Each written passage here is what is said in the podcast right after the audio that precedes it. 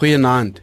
Dis nou al so 'n geneigte gewoonte dat manlike aantreklikheid neerkom op die taal, dak en handsome reël wat ons psigologies enige ander kernsake waarop manlikheid neerkom as van onbelangrik ag. Nadat die Israeliete by Samuel en by God aangedring het om hulle eie koning te wou hê, het God toe uiteindelik aan hulle versoek voldoen en aan hulle vir Saul as koning gegee. Saul word in 1 Samuel 9 vers 2 beskryf as sterk en mooi onder die Israeliete was daar niemand mooier as hy nie. Hy was 'n kop langer as enige van sy volksgenote. Hy het boonop uit 'n welgestelde familie gekom. Maar Saul se fisiese aantreklikheid was nie die hoofrede waarom God hom as koning gekies het nie.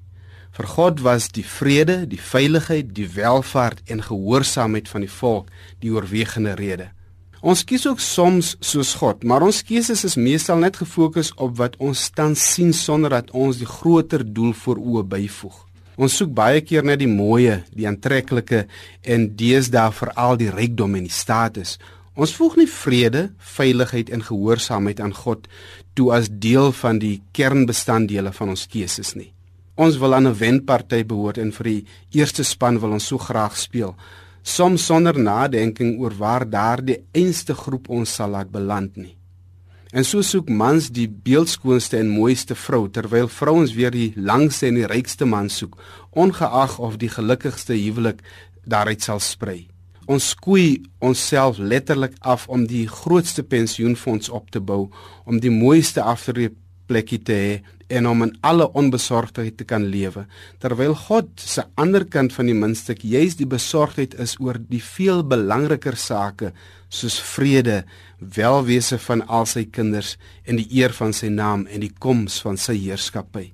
En dis waarom die Christus ons ook aanraai om nie net na die een kant van die muntstuk te kyk nie, maar ook na dit wat naas die tall, die dark, handsome en die rich veel belangriker is deur ons attent te maak op die sinneloosheid dat ons die hele wêreld win en in ons hand het, maar dat ons onsself uit God se hand gedring het deur net op die uiterlike te bly fokus.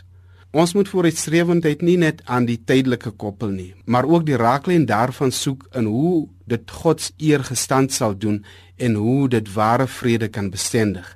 Die keuses van ons eie koninkkies moet 'n toonbeeld van God self wees en van sy keuses.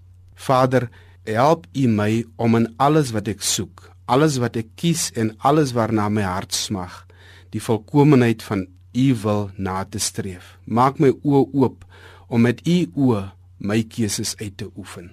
Amen.